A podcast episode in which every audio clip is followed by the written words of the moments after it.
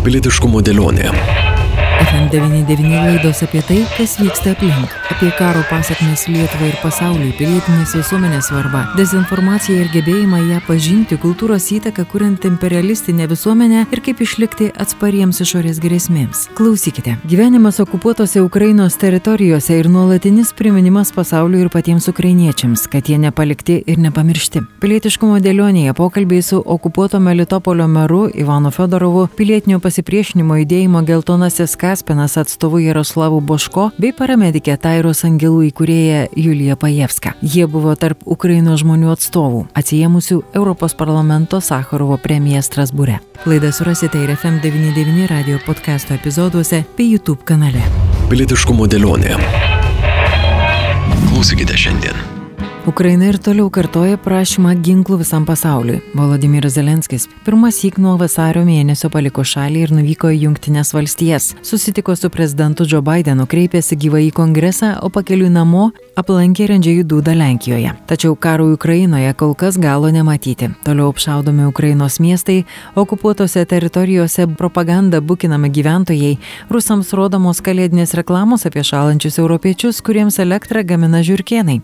Itin sunki žiema. Kas toliau? Išlaisvinta dalis po vasario 24-osios okupuotų teritorijų, tačiau toli gražu dar ne viskas. Vakarų ekspertai spėja, kad kažkurio momentu šią žiemą visai netrukus Kyivo pajėgos pradės naują puolimą Rusijos kontroliuojamo pietinio Melitopolio miesto link ir sieks jį atsiimti.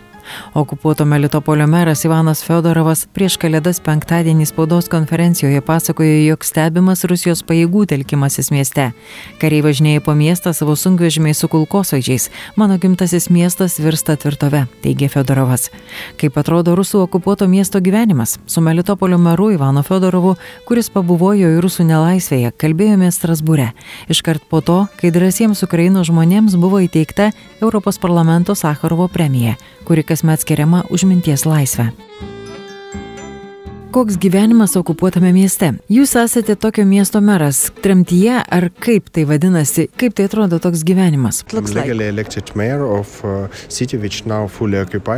Aš esu legaliai išrinktas meras miesto, kuris yra visiškai okupuotas keletą pastarųjų mėnesių, bet aš ir mano komanda dirbam su mūsų miesto piliečiais, tik skirtumas, kad mūsų administracija dabar bazuojasi Zaporižėje.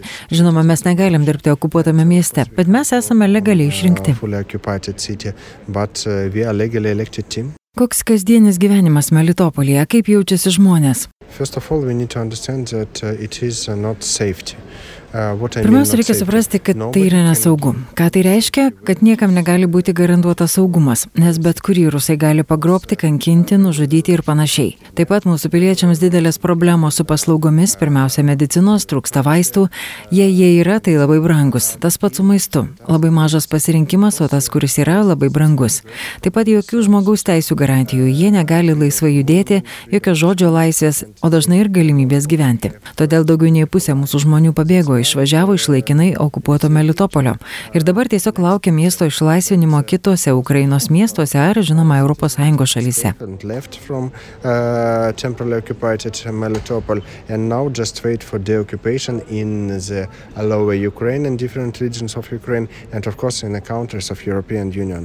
Melitopolis bus išlaisvintas. Ar yra problemų su Rusijos pasais, kurie yra per prievartą dalinami Melitopolio gyventojams? Ar yra vežami žmonės iš Rusijos federacijos į Melitopolį, kad pakeisti gyventojų proporcijas? All, unlegal in Ukraine to have a Russian passport. Dėl pasų Ukrainoje nelegalu turėti Rusijos pasą. Jei kas nori Rusijos pasą, pakuokis lagaminus ir važiuok į Rusijos federaciją. Jei pats negali, aš galiu padėti, ar bet kas padės. Kalbant apie populaciją, daug žmonių atvažiavo į Melitopolį iš kitų okupuotų Ukrainos miestų, kaip Mariupolis, kuris visiškai sugriautas, iš Donbaso regiono miestų, Hersono regiono. Dabar jie gyvena Melitopolyje. Iš Rusijos federacijos atvažiuoja nebent kolaborantai ar gastroliantai, bet ne žmonės, kurie norėtų persikelti iš Rusijos į Melitopolį. Tikrai ne, bet suprantu, kad kai tik bus įmanoma, rusai evakuosis ir tie atvykėliai labai greitai dings. citizens who come, they will uh, run very far away very quickly. Ar Melitopolio gyventojai gali dabar išvykti į Ukrainą? Ar siena uždaryta ar panašiai? Uh, Pateiksiu skaičius. Pavyzdžiui, spalio mėnesį per dieną Vasilivkoje į Zaporižę išvykdavo tūkstantį žmonių per dieną. Tai dabar vos 200 per savaitę. Toks skirtumas. Taip pat rusai neleidžia išvykti vyrams, kurie ir neturi karinių bilietų, todėl dabar tai nelengva. Mūsų gyventojai dabar stengiasi išvykti iš Melitopolio per ES sienas. Jie išvažiuoja per laikinai okupuoto Krymo teritoriją į Gruziją arba Lietuvą ir kitas šalis, bet šie keliai užima 4-5 dienas ir daugiau. Uh, uh,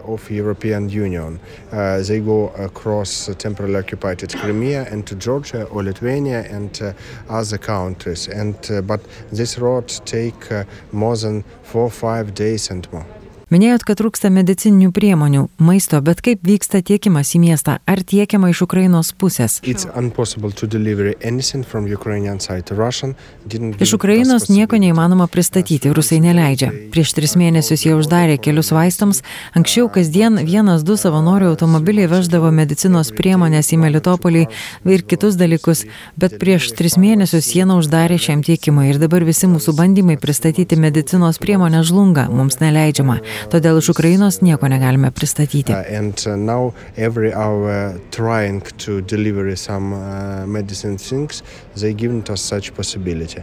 That's why from Ukraine we can't deliver anything. Kalbant apie informacinį lauką, dezinformaciją, televiziją, internetą, kokia informacija prieinama Melitopolio gyventojams, kaip yra mokyklose, kokia ten situacija? Uh, Rusai dabar sukūrė informacinį vakumą. Gyventojams laisvai prieinama tik rusų propaganda. Kitai informacijai reikia mobiliame telefone įsidėkti VPN ir tik taip galima naudoti socialiniais tinklais ir prieiti prie tarptautinių medijų. Suprantama, kad tai sudėtinga, ypač vyresniems žmonėms, tad jie negauna kitokios informacijos. Mes suprantam, kad vyresni žmonės yra visiškai panirę į Rusijos propagandą. Ir jūsų šalyje taip gali nutikti. Mokyklos dabar ne apie švietimą, nes rusai užėmė visas mokyklas. Rugsėjo 1-ąją jie bandė pradėti mokymo procesą 15 iš 22 mokyklų, bet nėra nei pakankamai moksleivių, nei mokytojų. Tad dabar dirba apie 10 mokyklų. Bet mokyklose padaryti ginklų sandėliai, tad į mokyklas eiti labai nesaugu. Bet tie, kurie eina į mokyklas, jie mokosi tik rusų propagandos, gėda Rusijos himną, mokosi sovietinių dainų ir kitų dalykų. Tai tikrai ne apie edukaciją. For Russia. They uh, they study Soviet songs and other things. It is not about education. Kalbant apie propagandą, ar visi Melitopolio gyventojai supranta, kad jiems grūdama propaganda, ar dalis gyventojų vis dėlto paveikti rusų peršamos dezinformacijos? You know, you can try on yourself. Uh, close all media for you. Galite išbandyti ant savęs ir savaitę ar dvi skaityti tik rusų propagandą. Ir suprasit, ar galite atskirti, kad tai tik propaganda. Manau ne. O jeigu taip dešimt mėnesių, žinoma ne. O jei jūs iš Sovietų sąjungos pagyvenę žmogus, žinoma ne. Kai neturi jokios atsvaros, kitokios informacijos, labai sunku suprasti, kad tai propaganda. Tad nenoriu būti optimistu arba pesimistu, bet žmonių psichologinė būsena yra suprantama ir mums reikia surasti sprendimą, ką su tuo daryti. Psychology of uh, citizens, psychology of people, understandable. And we need to understand what to do with it. Kokia proporcija žmonių buvo mieste prieš vasario mėnesį, rusų ir ukrainiečių, ar buvo tų laukiančių rusų ateimo ir išlaisvinimo? Tai puikus rusų propagandos pavyzdys. Niekas nelaukia rusų, niekas nelaukia. Lietuvoje kiek žmonių kalba rusiškai? Ar tai reiškia, kad jie laukia rusų? Melitopolyje taip pat daug žmonių kalba rusiškai, bet tai nereiškia, kad jie laukia rusų. Tai rusų propaganda ir tiek niekas nelaukia rusų, niekas. Turiu puikų pavyzdį. Nuo pirmųjų okupacijos dienų daug Ukrainos piliečių ėjo į aikštes gatves protestuodami, po 3, 4, 5 tūkstančių žmonių eidavo be ginklų ir protestavo demonstruodami savo proukrainietišką poziciją. Paskutinius dešimt mėnesių nei vienas savo valia neėjo į aikštes su Rusijos vėliava. Niekas. Tai apie kokį rusų palaikymą Melitopolyje galime kalbėti. Kai jie norėjo padaryti mitingą gegužės 9-ąją, privežė žmonių iš Rusijos ir iš Krymo. About what Russian uh, support in Melitopol we can say. When they want to make a, a meeting uh, on 9th of May, they deliver citizens from uh, Russian from Crimea. Kaip manot, ką toliau darys Ukrainos kariuomenė? Išlaisvintas Harkivo regionas, Hersonas, kaip jaučiat, ar kitas bus Melitopolis? Nes kaip spėja vakarų karo ekspertai, kad Melitopolis turėtų būti toliau, kad prieiti arčiau Krymo. Melitopol now is very important. Melitopol is a key to south of Ukraine. And, uh, of course, we know Melitopolis dabar labai svarbus, tai yra raktas į Ukrainos pietus. Ir aišku, mes žinom, kad Melitopolis yra mūsų karių sąrašo viršuje, bet reikia daugiau palaikymo iš partnerių Europoje, karinio palaikymo, sunkiosios ginkluotės, daugiau ginklų ir kitų panašių dalykų. Reikia visko daugiau. Ar gavo tam pažadą Europos parlamente? Pažadą taip, bet ginklų ne. Bet mums uh, reikia ne pažadų ir uh, svajonių, o uh, ginklų.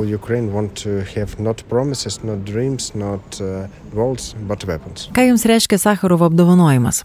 It's it's not meant for me. It's meant for all our nation. Jis yra skirtas ne man, bet visai mūsų tautai. Tai labai svarbu. Ir kai kalbam su jumis apie rusų propagandą, nežinau, ar jūs suprantat, kad rusai bando skleisti žinutės okupuotose teritorijose, kad jie čia bus amžinai, kad niekas nesiekia išlaisvinti, kad ES pamiršo apie jūs ir panašiai. Ir tokie apdovanojimai kaip Sakarovo prizas, toks palaikymas kaip milijardinė parama iš ES, kaip tolesnė parama karinė ginkluotė, tai rodo, kad niekas nepamiršo Ukrainos ir laikinai okupuotų teritorijų.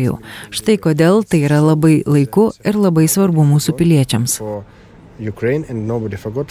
For example, for temporarily occupied territories. That's why it is on time and it is very important for our citizens.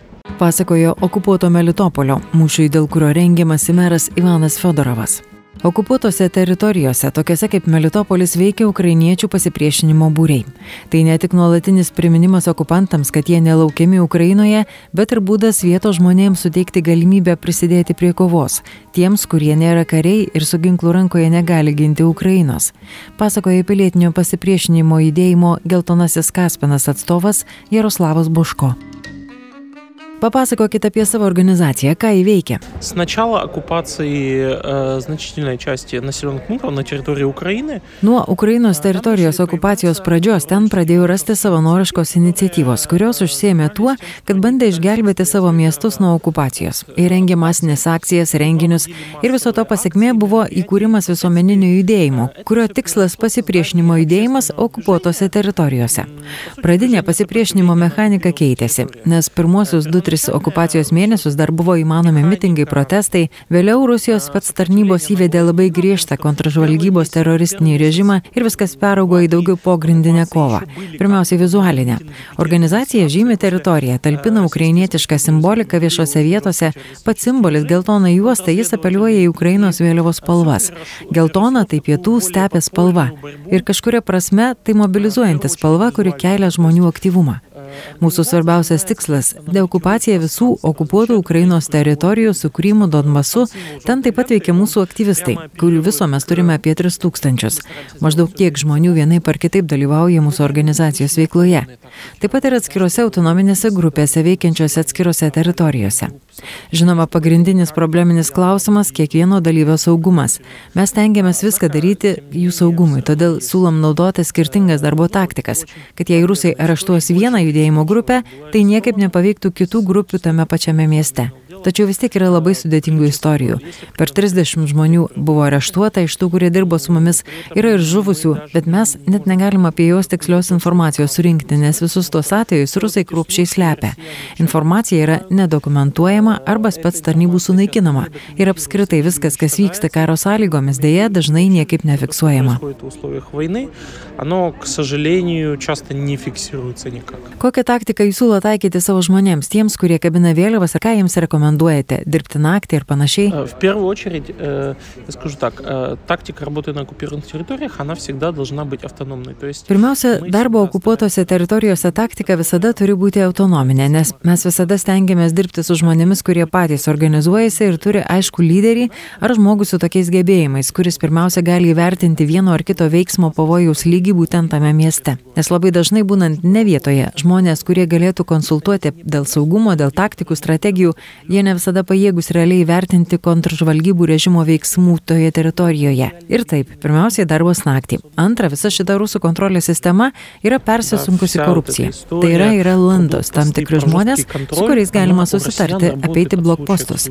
Visa ta istorija apie griežtą kontrolę, tie blokpostai pas rusus veikia kaip kada. Viena mieste sažiningesnis FSB viršininkas griežčiau kontroliuoja, kitam daugiau korupcijos ir daugiau landų. Ypač rusų kareiviai. Jie nenori rimtai kariauti, o dar mažiau jiems patinka, kai juos įtraukia į kažkokią politiką, gatvių apsaugą, tokią kontržvalgybinę veiklą. Todėl kokybiškų pajėgų, kurios dirbtų sąžiningai, ten nėra daug ir jie nėra pajėgus perlaužti kiekį žmonių, kurie yra proukrainietiški okupuotose teritorijose. И они не способны переломить то количество людей, которые на самом деле за Украину на оккупированных территориях. O kiek tų proukrainietiškų žmonių ir kaip jie ten jaučiasi, kokia atmosfera? Я как человек, который в университете изучал 6 лет социальные науки, вам скажу, на глаз такие вещи не Aš kaip žmogus universitete šešerius metus studijavęs socialinius mokslus pasakysiu, iš akies tokie dalykai nematuojami, bet aišku, kad dauguma, nes tai labai aiškiai jaučiasi. Iš Ukrainos pusės atsirado labai daug iniciatyvų okupuotose teritorijose, labai daug apraiškų, kaip ginkluoto, taip ir taikaus pasipriešinimo. Ir tos iniciatyvos nesibaigė. Tuo metu rusai, jie išmetė keletą idėjų, kaip pavyzdžiui, sukurti kažkokius kolaboracinius darinius iš okupuotų teritorijų gyventojų. Jie norėjo sukurti energodarę, kažkokį kazokų batalioną. Bet visą tai žlugo, nes tiesiog nėra žmonių, kurie norėtų su jais bendradarbiauti. Istorija su tomis pačiomis okupantų administracijomis. Ji puikiai parodo. Hersono okupacinė administracija, ten, kur žuvęs kolaborantas Tremausovas. Ten paprasčiausiai trūko žmonių bazinėms administracinėms funkcijoms vykdyti. Užpildyti paprasčiausius popieriukus, nes žmonės nenorėjo su jais bendradarbiauti. Tie, kurie galėjo tokį darbą dirbti, jie tiesiog neėjo į tokias struktūras. Todėl šios buvo labai silpnos. Tuo pat metu Ukrainai vos tik sugrįžus į miestus iškart prasideda administracinis gyvenimas. Tad rusai neturi įsitraukimų, o mūsų žmonės iškart įsitraukia. Ir žinoma, Ukrainos pusėje dauguma gyventojų. Россиян нету вовлечения.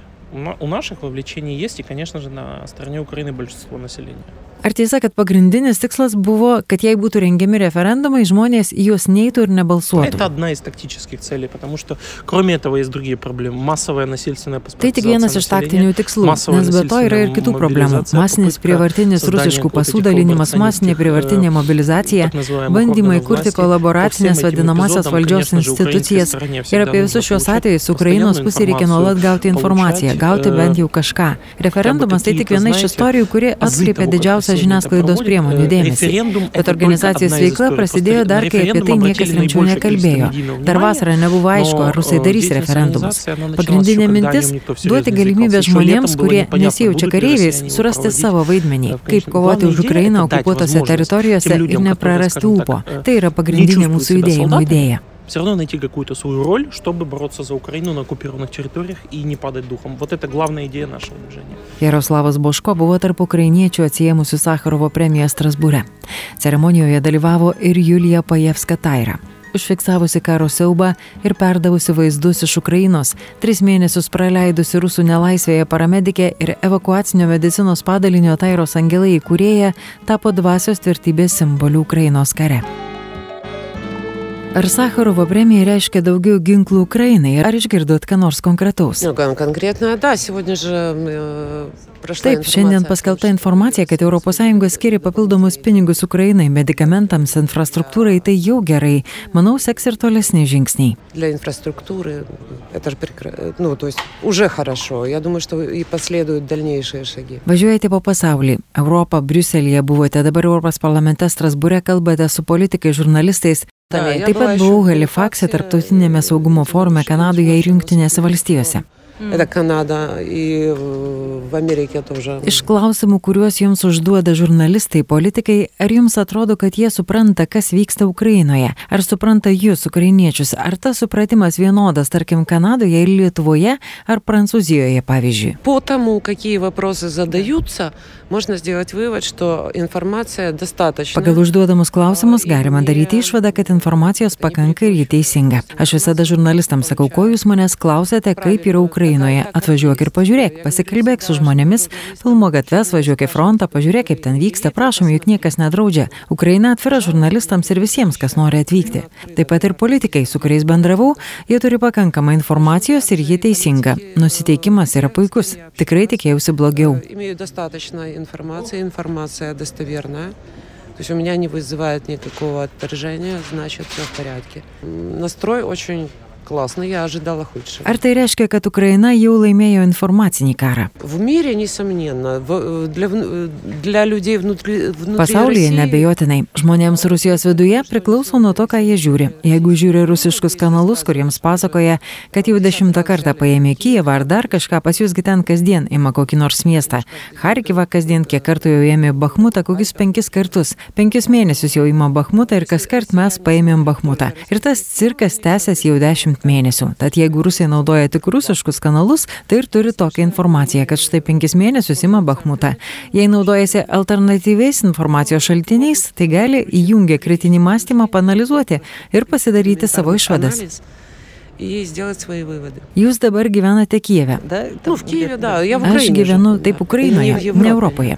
Donbase dirbot nuo 2014. Начало Ну, войны. плотно, С да, начала войны. да. Taip, pradžioje karo atvažinėdavau padėti, paskui jau likau visiškai Donbase. помогать. Где-то середины 2014 года. Paskui pakliuvot į visą tai ir ne tik pati pakliuvot, bet kai prasidėjo puolimas vasario mėnesį, jūs turėjote kamerą. Skaičiau prašytą istoriją, kad jie filmavo dokumentiką. Ничего Сюжет подобного. или что? Какие Нет? документальные сюжеты? Окей.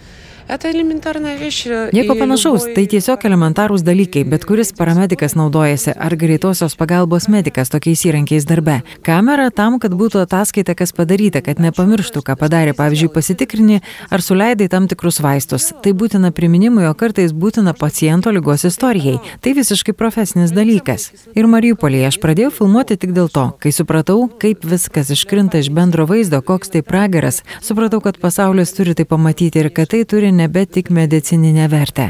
Tad vienas policininkas man pasakė, kad yra Associated Press žurnalistai Mariupolėje, absoliutus didvyriai žurnalistai. Savo baimę ir riziką atidaviau jiems tą vienintelį egzempliorių su informacija. Nebuvo jokios garantijos, kad jie neprapuls, kad jie pristatys, kad iš jų neatims, kad mašinos neapšaudės ir jie nežus, bet viskas pavyko. Pasaulis dar pamatys. Ne viską kol kas galiu publikuoti, nes ten daug dalykų, kuriems reikia specialaus tyrimo. Ten yra informacija apie sužeistuosius, kurių tolimesnis likimas neaiškus. Tad visa ši informacija dar turi būti išanalizuota, o vėliau viską Исследования parodysiu. с, Ну, специальными органами, да, потому что там есть информация о раненых, э, и судьба которых дальнейшая неизвестна.